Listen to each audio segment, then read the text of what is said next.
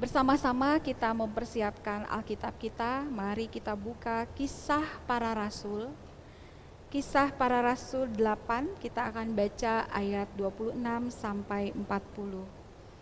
Kisah Rasul pasal 8 ayat 26 sampai 40.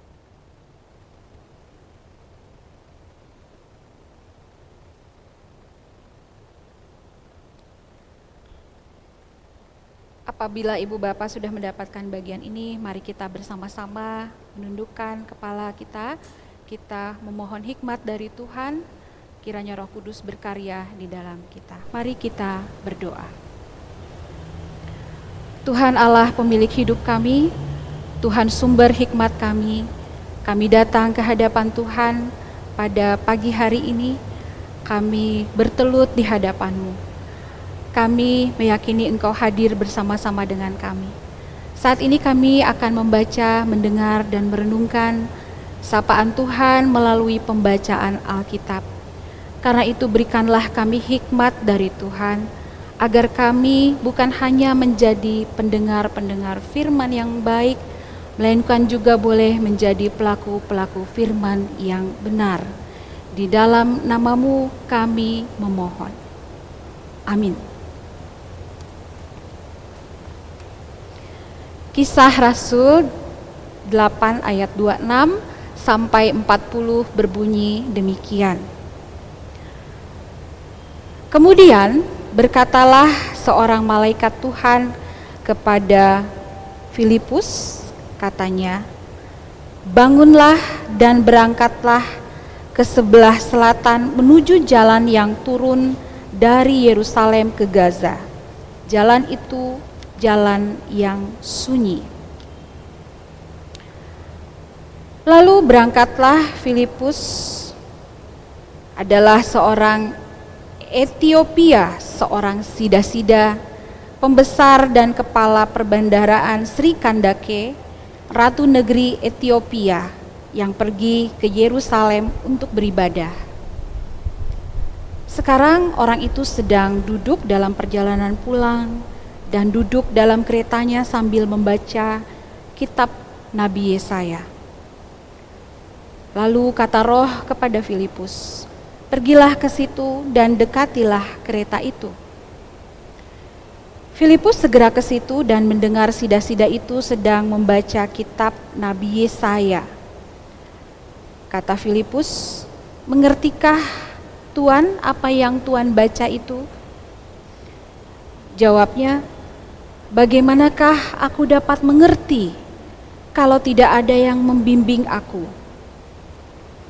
Lalu ia meminta Filipus naik dan duduk di sampingnya. Nas yang dibacanya itu berbunyi seperti berikut. Seperti seekor domba ia dibawa ke pembantaian, dan seperti anak domba yang keluh di depan orang yang menggunting bulunya Demikianlah ia tidak membuka mulutnya. Dalam kehinaannya berlangsunglah hukumannya. Siapakah yang akan menceritakan asal-usulnya? Sebab nyawanya diambil dari bumi. Maka kata sida-sida itu kepada Filipus, Aku bertanya kepadamu tentang siapakah Nabi berkata demikian? Tentang dirinya sendiri atau tentang orang lain. Maka mulailah Filipus berbicara dan bertolak dari nas itu. Ia memberitakan Injil Yesus kepadanya. Mereka melanjutkan perjalanan mereka dan tiba di suatu tempat yang ada air. Lalu kata sida-sida itu, "Lihat, di situ ada air. Apakah halangannya jika aku dibaptis?" Saud Filipus, jika Tuhan percaya dengan segenap hati, boleh. Jawabnya, aku percaya bahwa Yesus Kristus adalah anak Allah. Lalu orang Ethiopia itu menyuruh menghentikan kereta itu dan keduanya turun ke dalam air, baik Filipus maupun sida-sida itu, dan Filipus membaptis dia. Dan setelah mereka keluar dari air, roh Tuhan tiba-tiba melarikan Filipus dan sida-sida itu tidak melihatnya lagi. Ia meneruskan perjalanannya dengan sukacita. Tetapi ternyata Filipus ada di Asdod. Ia berjalan melalui daerah itu dan memberitakan Injil di semua kota sampai ia tiba di Kaiseria. Ibu bapak dan saudara-saudara, demikianlah pembacaan Alkitab Berbahagialah kita yang mau mendengarkan firman Tuhan serta memelihara dalam kehidupan kita hari lepas hari. Haleluya. Haleluya.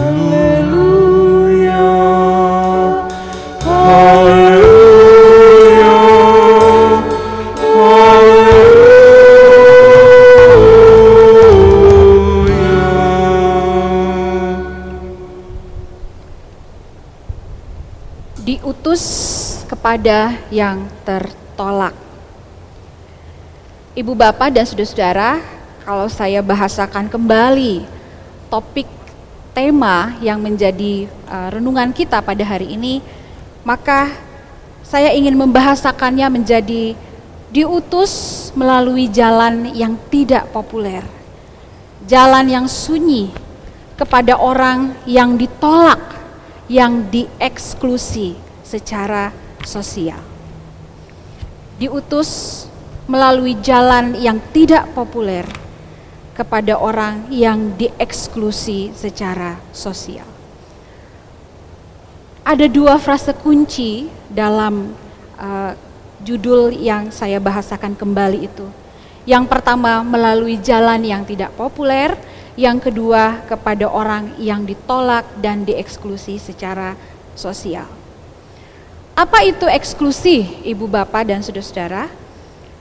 Eksklusi itu adalah secara sederhana bisa kita katakan proses atau peristiwa di mana seseorang dihambat, dihalangi oleh kelompok orang lain tentu yang lebih dominan untuk dapat berpartisipasi, memiliki akses, kontrol dan mendapatkan manfaat dalam segala kegiatan di kehidupan sosial, apakah itu akses ekonomi, politik, budaya, bahkan dalam konteks spiritualitas.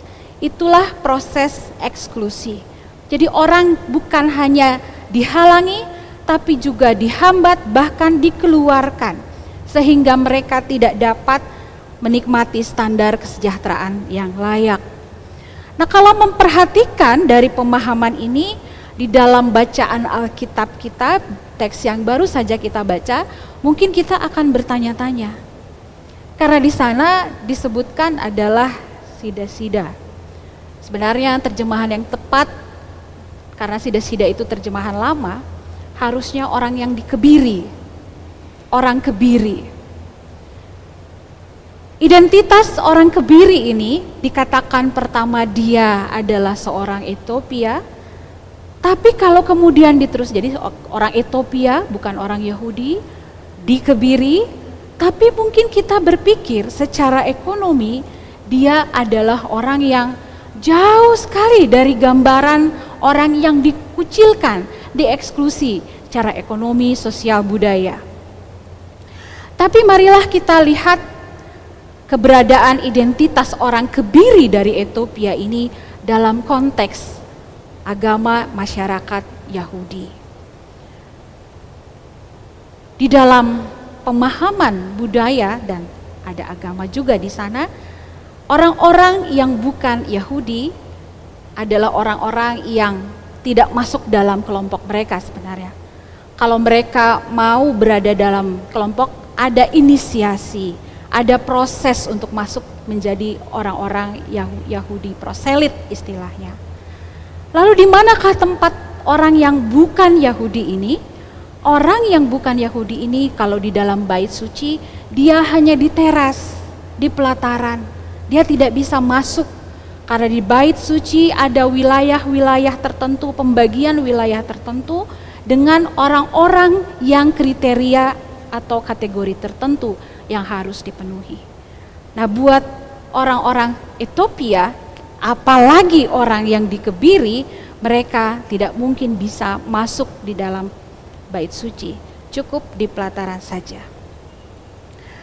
Jadi dalam konteks pada saat itu uh, kita bisa pahami bahwa orang kebiri ini termasuk orang yang tidak masuk di dalam hitungan. Dan orang pasti tahu bahwa dia adalah orang yang dikebiri dari dari bangsa Ethiopia. Nah, kalau dalam masyarakat kita saat ini, siapakah orang yang dieksklusi yang pengalamannya mirip dengan orang yang dikebiri dari Ethiopia itu? Yang paling terlihat saat ini adalah orang-orang yang memiliki identitas gender yang berbeda dan seksualitas yang berbeda. Jadi kalau boleh saya sebut orang yang mirip dengan orang kebiri situasi saat ini adalah transgender, trans termasuk di sana ada transpuan, ada transmen, ada banyak macam orang lagi di sana termasuk orang-orang yang memiliki keragaman seksualitas yang sampai saat ini ditolak bukan hanya ditolak, dibenci, ditakuti, diberi label tertentu, bahkan juga sering dibunuh. Bapak Ibu bisa, kita semua bisa mencari berita itu. Bagaimana ketakutan-ketakutan terhadap transgender dan identitas seks, eh, gender seksualitas lainnya membuat orang menjadi sangat takut dan atas nama ketakutan dan norma-norma mereka bisa dieksklusi. Karena mereka dianggap tidak sesuai tidak normal, tidak wajar karena itu berhak diperlakukan apa saja. Jadi diakui atau tidak oleh kita saat ini hak-hak orang-orang yang pengalamannya hampir sama dengan orang kebiri dari Ethiopia ini adalah ya dihalangi, dibatasi bahkan untuk mendapatkan kartu identitas atau layanan publik kalau Bapak Ibu menyimak baru-baru ini sudah mulai ada KTP untuk yang transgender. Apalagi di dalam perspektif agama. Hak-hak asasi mereka sebagai manusia seolah-olah hilang karena dianggap tidak memenuhi norma-norma agama. Karena itu ada anggapan diakui atau tidak kalau melakukan kekerasan terhadap orang-orang seperti ini itu dianggap wajar. Nah, kepada orang-orang yang dieksklusi, diusir, ditolak, dipinggirkan, dikucilkan, seperti inilah kita diutus sebagai sahabat. Dan jalan yang kita tempuh bukanlah jalan yang populer. Mungkin setelah ibu bapak mendengar ini, mungkin mungkin saja ibu bapak menjadi kecewa, marah, dan bertanya-tanya kenapa ini harus dibahas. Tapi inilah firman Tuhan yang mau disampaikan bahwa kepada orang-orang yang dipinggirkan, orang yang ditolak, orang yang dianggap tidak layak, orang yang dianggap berdosa oleh manusia, kepada merekalah kita diutus untuk apa? Untuk memberitakan kabar baik, menjadi sahabat, menjadi pendamping, menerima keberadaan mereka, bukan melekatkan stigma, bukan membenci mereka. Dan ini tantangannya tidak mudah, bahkan cenderung sangat berat, karena tadi jalan yang ditempuh, jalan sunyi, hanya sedikit orang yang bersedia untuk berdiri bersama mereka menerima keberadaan mereka dan memberitakan cinta kasih Tuhan yang konkret. Dalam bacaan kita, apakah Filipus tidak tahu siapa orang kebiri ini dari Ethiopia tersebut? Dia tahu. Tapi kalau kita baca, ketika orang kebiri itu mengajaknya naik ke kereta dan meminta penjelasan, Filipus bersedia naik, padahal kalau ikut aturan saja, dia orang Yahudi, sementara yang satu adalah orang Ethiopia, kalau ikut dari rasnya saja sudah jadi bermasalah. Kalau cara berpikir kita sangat eksklusif. Apakah ada kata-kata penghakiman atau fobia, ketakutan terhadap orang Ethiopia ini? Dalam bacaan kita tidak disebutkan. pun tidak ada nasihat-nasihat yang men, yang membahas soal perilaku orang kebiri dari Ethiopia ini. Karena memang bagian Alkitab yang kita baca ini berfokus pada kabar baik, pembebasan, sukacita itu harus diberitakan kepada semua orang. Dan semua orang perlu mendengar dibantu, didampingi untuk memahami bahwa cinta kasih Allah kepada manusia itu sangat besar. Tidak dibatasi oleh ras, suku, agama, status sosial, apalagi keragaman gender dan lain-lainnya yang juga adalah hasil karya. Nah, karena itu Bapak Ibu, kabar baik yang diberitakan oleh Filipus kepada orang kebiri itu hendaknya juga menginspirasi kita walaupun jalannya sunyi, tidak populer dan mungkin kita akan jadi dibenci, tetapi ada tanggung jawab besar yang sedang dipercayakan kepada kita untuk memberitakan pembebasan bagi semua orang, pendampingan bagi orang yang membutuhkan sehingga dia orang-orang yang dipinggirkan apakah karena status sosialnya, apakah karena pekerjaannya, apakah karena agamanya, apakah karena keyakinannya, apa pun yang ada melekat pada dirinya bisa melihat, merasakan dan mengalami kasih Tuhan.